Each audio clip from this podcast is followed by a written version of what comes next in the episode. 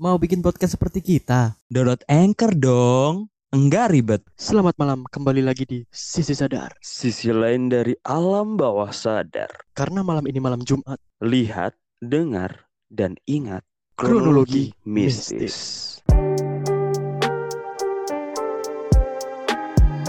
kembali lagi di Sisi Sadar bersama saya Riz Gavara. Bersama saya Sena yang saat ini lagi dihantui kunti gede, bukan kuntianak. Apa sih? Kan kuntianak, kuntilanak, kuntilanak. kuntilanak gitu. Itu apa? Se- Sebangsa baru gitu, bangsa-bangsa baru gitu. Enggak kan dewasa. Kalau kalau ini gede kan udah dewasa gitu loh. Enggak anak enggak anak-anak lagi. Oh, I see. Oke. Oke. Sorry ya, plesetan gue nggak masuk ya. Bengak. Aduh aduh aduh sorry sorry. Sorry. sekarang tuh di mana-mana sudah rame. Kuliah udah masuk ya kan. Jadi tempat-tempat wisata tuh sekarang sudah sangat padat. Benar, benar. Saat ini di mana-mana nih ya kota-kota kota-kota pelajar ya itu pasti lagi banyak-banyaknya pendatang baru. Yo, iya, apalagi masih anak apa ya? Masih muda-muda nih. Pasti kan maba-maba itu kan pengennya kan main apalagi di Jogja tuh, cuy. Oh iya, Jogja.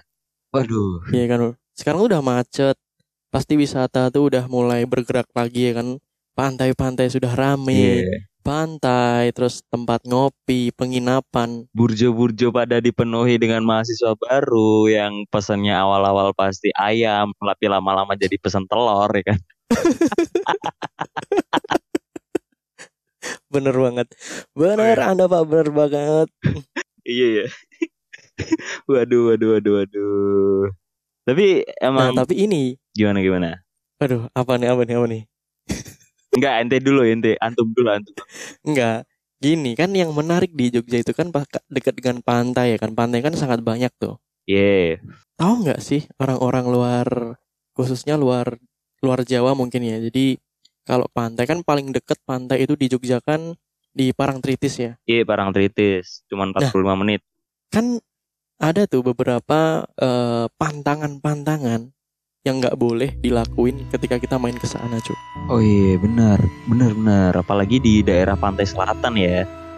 Kebanyakan ya. Yoi. Eh, tapi kayaknya bukannya beberapa pantai kayaknya tuh nggak nggak cuman di pantai selatan Jogja deh kayaknya. Hmm, Iya nggak sih? iya juga sih. Benar benar. Banyak sih sebenarnya. Kalau setauku nih ya, kalau di pantai selatan nih ada pantangan di mana kita nggak boleh pakai baju hijau, iya kan? Bener. Nanti soalnya nanti dikira lumut. Bukan dong, bukan Oh, dong, bukan. bukan. Bukan. Kenapa? Kenapa? Rasanya kenapa, ya, Pak? Nggak, eh ini cuman sekedar sekedar ini aja sih. Kayaknya eh, mungkin eh, kalau yang gue dulu pernah dengar kalau kita ke pantai selatan terus kita menggunakan baju hijau akan ditarik oleh Ratu Kidul gitu. Ya tuh hilang. Katanya tuh kalau misal kita pakai baju yang warnanya hijau itu tuh kita yang pakai baju hijau itu renang gitu ya turun ke pantainya bisa-bisa tuh tiba-tiba hilang gitu aja katanya sih Iya diseret ya kalau secara eh, nalarnya kan diseret ombak gitu kan terus hanyut Iya hilang gitu kan cuman kan benar. secara apa nih secara goibnya kita nggak tahu nih ke mana itu sebenarnya Iya benar benar. benar. Nah itu tuh itu tuh juga apa ya jadi urban legend ya jadinya ya. yoi pantangan-pantangan kayak gitu tuh sebenarnya banyak banget di tempat lain juga gitu. Cuman kalau di pantai iya sih nggak selatan nih di pantai emang iya, kalau di pantai selatan nih sangat famous dan sangat apa ya, apalagi buat orang Jogja ya, yang di mana em, iya mereka masih masih kayak ini nih. eh, dulu pernah dengar nggak sih kayak eh, pantai pantai parang eh bukan parangkusu eh, parang parangkusumo terus ke keraton sama Gunung Merapi tuh kalau ditarik lurus sejajar tuh. Oh iya tuh ada tuh katanya ada ada ada yang bilang seperti itu ya. Cuman kan kita nggak tahu siapa yang menarik garis lurusnya itu siapa. Nah bener Atau mungkin orang-orang ini orang-orang sarjana sipil mungkin.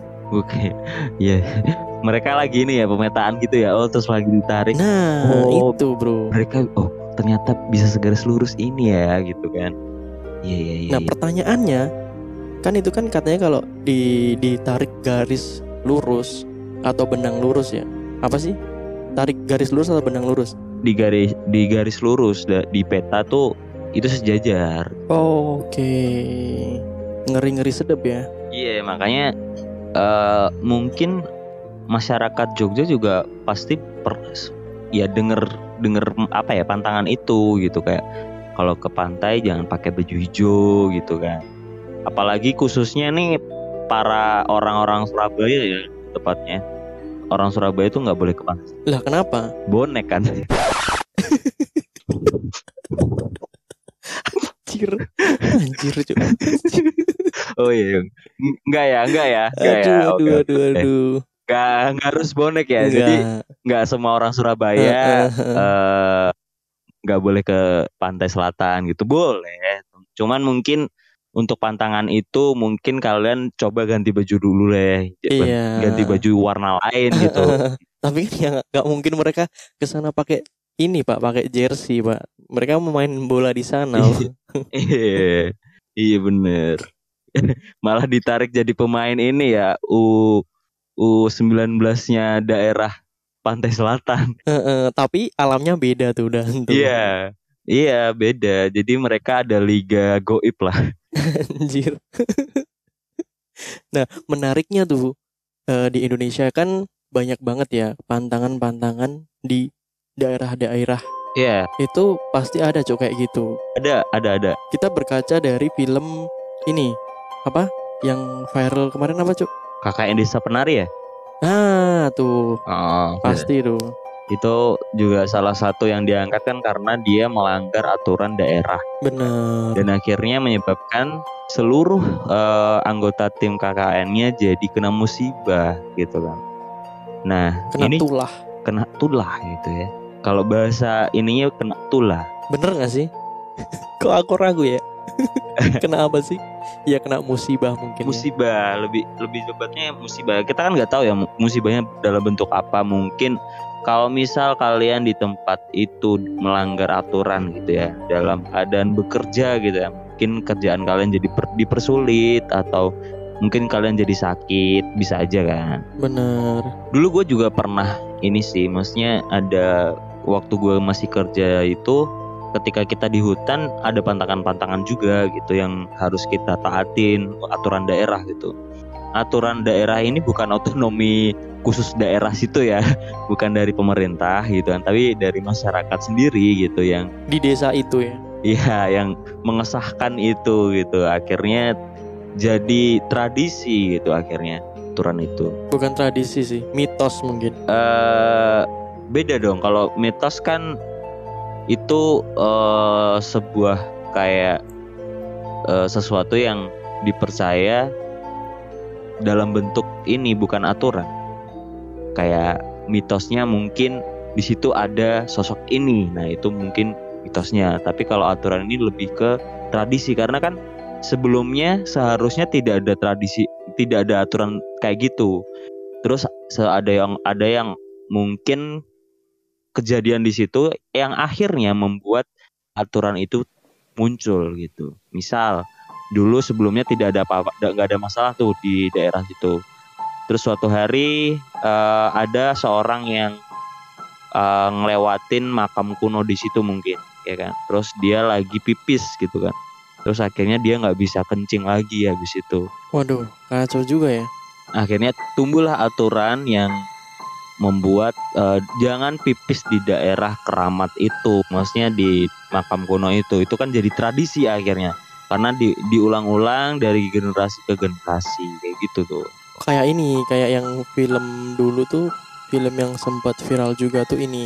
Terowongan Casablanca. ya Harus klakson tiga kali ya kan. bener nah itu tuh juga urban legend juga tuh terowongan Casablanca yang itu juga unik juga gitu ya maksudnya eh, kita kalau lewat di situ kan harus klakson kan. Kalau enggak nanti dihantui oleh kuntilanak merah ya kan yang ada di situ.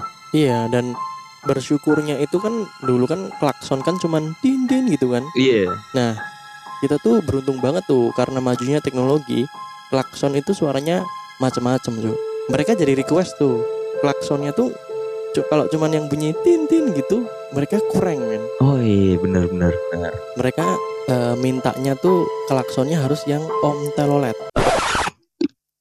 Anjir. Jatuh jatuhnya lebih susah ya. Jatuhnya lebih susah gitu. bener bener bener bener bener Ini kayak aturan yang ada di negara Konoha gitu. Yang kadang aturannya tuh nggak make sense. bukan bukan di Indonesia dong. Di Indonesia nggak ada aturan yang bikin kita jadi pusing dan nggak ada, Nggak ada. ada. Aturan di di Indonesia tuh sangat jelas, sangat tepat, ya kan, sangat akurat gitu. yo yo Kalau di desa Konoha emang ber- berbelit-belit dan kadang jadi bumerang gitu. waduh jadi jadi podcast rezim nih sekarang nih bapak nih Oh enggak ya, enggak enggak. Enggak, jadi jadi emang ya kita balik lagi ya ke, ke terowongan Casablanca juga jadi salah satu urban legend yang di mana tradisi harus mengklaksonkan tiga kali ya kan klakson mobil gitu kan itu biar kalian tidak dihantui oleh so- si sosok kuntilanak penunggu terowongan Casablanca ini.